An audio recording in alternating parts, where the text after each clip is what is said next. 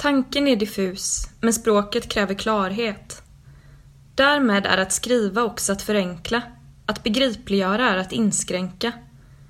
Betraktad så kommer frågan om genre mindre att handla om konventioner och mer om vad som är möjligt att tänka inom och genom en viss tradition. Till skillnad från vetenskapen och journalistiken tillåter litteraturen inte bara att vi förhåller oss frågande till verkligheten utan också att vi förblir frågande inför den. Medan jag skriver mumlar jag en halv rad ur Katarina Frostensons Den andra, citat. Börja inte sluta in världar i korsett. Slutcitat.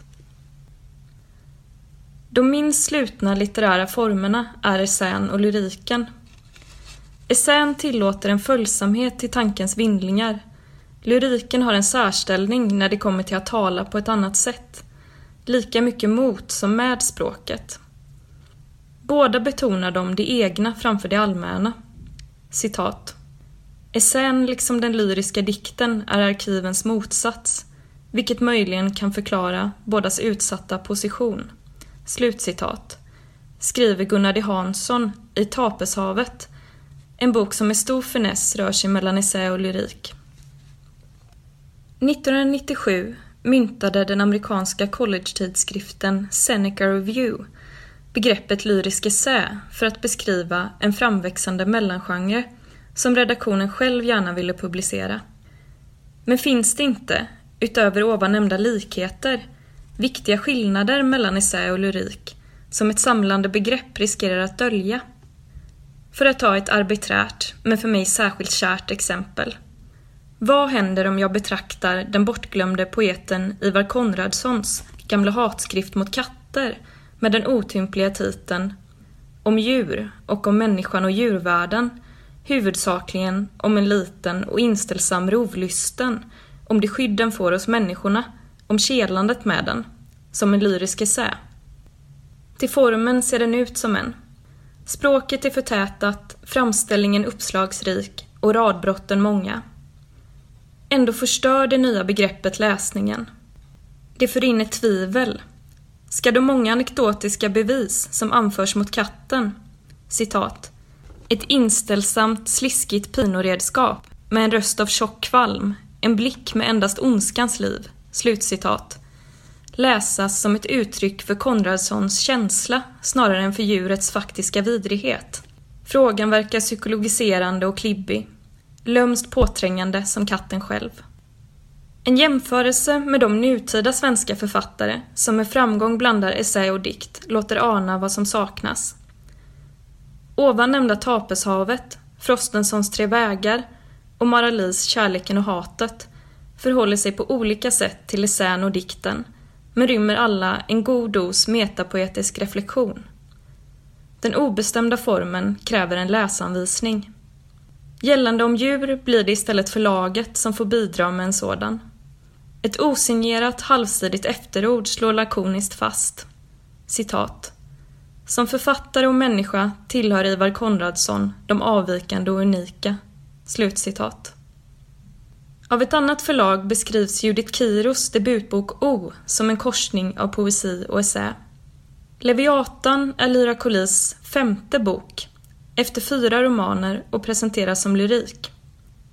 Det essayistiska anslaget hos båda utgörs av förhållandet till en text och traditionen kring denna text. Kiros utgår från Shakespeares Othello och Colli från Jobs bok i Bibeln. I essän som form skriver Adorno, citat, Istället för att prestera något vetenskapligt eller skapa något konstnärligt återspeglar essäns ansträngningar den barnsliga lätthet som utan skrupler hänförs över det som andra redan har gjort. Slutcitat. Jag prövar att läsa O som en essä, men behållningen är ringa. Det handlar framförallt om ton. Kiros är mer vetenskapligt fastslående än essäistiskt frågande. Otello sammanfattas raskt selektivt och medvetet ogint. Citat. I dramat driver en vit man den svarte mannen O till att mörda sin vita hustru Efteråt får O reda på att den vite mannen har bedragit honom och tar då sitt liv. Det finns ingen annan utväg. Han har blivit det den vita publiken hela tiden anade att han var. Han har uppfyllt sin roll. Ridå. Slutcitat. Läs som dikt blir stycket bättre. Det är en utmärkt introduktion. Inte till Shakespeares pjäs, men till Os klaustrofobiska värld, där det svarta oundvikligt görs till det andra. Kiros överför sömlös tragedins ödesbestämdhet till modern tid. Citat. Man kan anta att problemet uppstår i samma ögonblick som man får sitt namn. Eller i samma ögonblick som man får sitt ansikte, en kropp, sina kurvor, ett vitt leende. Det spelar ingen roll om man sitter stilla i båten eller bussen. Det spelar ingen roll om man griper efter Gud eller grammatiken. Slutcitat. Här är förhållandet till Otello tydligt poetiskt. Pjäsen tjänar som utgångspunkt för skapandet av något nytt. Mer bekymmersamt är det när Kiros håller sig nära Shakespeare. Läsningen av pjäsen är sluten och reduktiv, där en essä borde öppna upp och komplicera. Om konspiratören Jago står det citat.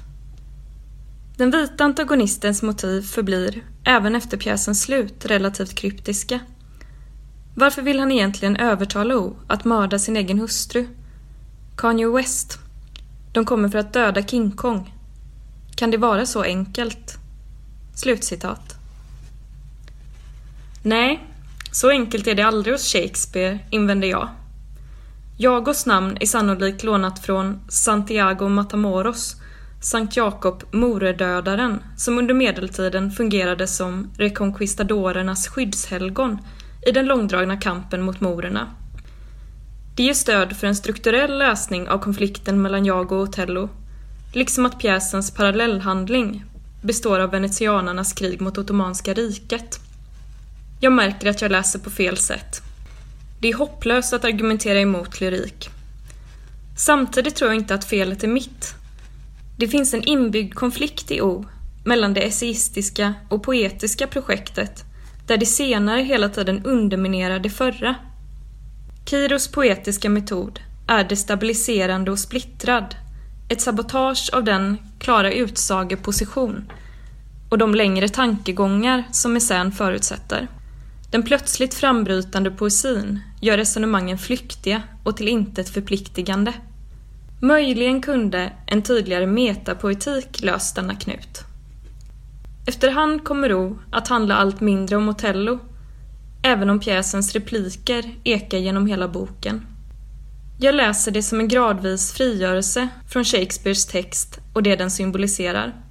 O byter skepnad och blir till en svart kvinna, en måne, ett öga, en interjektion. Högstämda fåordiga dikter varvas med flödande katalogdikt, prosapoem och pastisch. Ibland tar utnötta samtida fraser över. De hör varken hemma i dikt eller essä, utan borde förpassas till journalistiken. Ofta är det istället avsiktligt vagt, ett sätt att undvika att den svarthet som är bokens tema naglas fast av språket och görs till objekt för läsaren. Det är ambitiöst, det blir inte helt lyckat, det är en debut. Boken mynnar ut i en paradoxal negation. Citat. En svart kvinna sträcker ut sig på sängen med handen mellan benen. Hon blir inte filmad. Hon fastnar inte på foton. Slutcitat. Om Kiros med litterära medel försöker befria O från hans öde gör Colli istället allt för att fånga in den oerhörda varelse Gud åberopar för att mana fram ödmjukhet hos Job. Essistens hänförelse inför vad andra redan har gjort, för att återvända till Adorno, blir här verkningsfullt mångtydig. För en troende är att överväldigas av Leviatan detsamma som att överväldigas av skapelsen som helhet. Den är en bild som ska mana fram de ord med vilka Job ångerfullt svarar Gud. Citat. Ja, jag har talat om det jag inte begriper. Det som är för högt för mig, det som jag inte vet något om. Slutcitat. Koli intar istället en mellanposition där Leviatan både är gudomlig metafor och besynnerligt monster. Tidigt i boken skriver hon, på en rak radbruten prosa som också den verkar lånad från Jobs bok. Citat. Jag är inte ens döpt. Jag vet inte vad jag ska tro. Ett riktigt djur, en sagofigur. Att inte bry sig om skillnaden. Vad skiljer i så fall religion? från Suspension of Disbelief. Slutcitat. Att vara obrydd om skillnaden visar sig fruktbart. Genom det sökande diktjaget upprättas en fiktion där alla teorier är lika giltiga. Det är ett kartläggande utan systematik och mål, fullt av förvillande analogier och utvikningar. Drakdödare existerar jämsides med klimatförändringar, kristendom liknas vid crossfit och det leds i bevis att dinosaurieungar färdades på Noas ark. Med några väl valda bibelcitat avslöjas både Gud och Jesus som stora ironiker. Sanningsanspråken blir sekundära i Leviatan, inte bara för att jaget redovisar sina resonemang, utan för att dessa resonemang och jaget de utgår från framstår som bokens hela mening. Jobs bok slutar med att Gud ger svar. Leviatans auktoritetslösa universum lämnar jaget ensamt och frågande. Eller ännu värre, som ett ovetande offer för Thomas Hobbes statliga övermakt.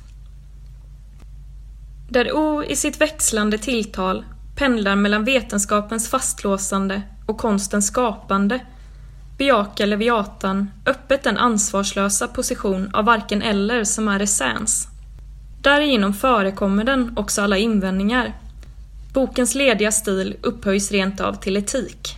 Colli skriver, citat. Jag kan bli rörd till tårar av att reflektera över Leviatan eftersom han delvis är ett skämt för mig. Allt som inte delvis är ett skämt är ett försök att undkomma den kosmiska ironin. Ett fåfängt försök att etablera ett fullständigt mänskligt allvar. I grund och botten ett försök att ignorera Leviatan. Slutcitat. I sina bästa stunder låter Leviatan ana något större och oåtkomligt, något som samtidsmänniskan inte kan förstå eller tala om. Det gör boken genom sin lekfullhet och sin begeistring inför det egna ämnet. Möjligen kan man invända att framställningen är alltför kortfattad och att Colli kunde rört sig i större cirklar. Det vore en annan bok. Leviatan närmar sig en aforistisk koncentration. Dess njutbara lätthet ska inte förväxlas med lättja. I Tapeshavet citerar Gunnar D Hansson ur ett brev som Schopenhauer sände till sin förläggare. Citat. Bara den som har äkta tankar har en äkta stil. Slutcitat. Kanske sammanfattar det allt jag velat säga här. Beteckningen lyrisk essä verkar skadlig.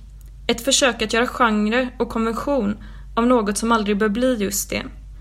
Varje essäistiskt influerad dikt eller lyriskt förtätad essä måste skrivas på sina egna villkor utifrån den form som harmonierar med de tankar den ska bestå av.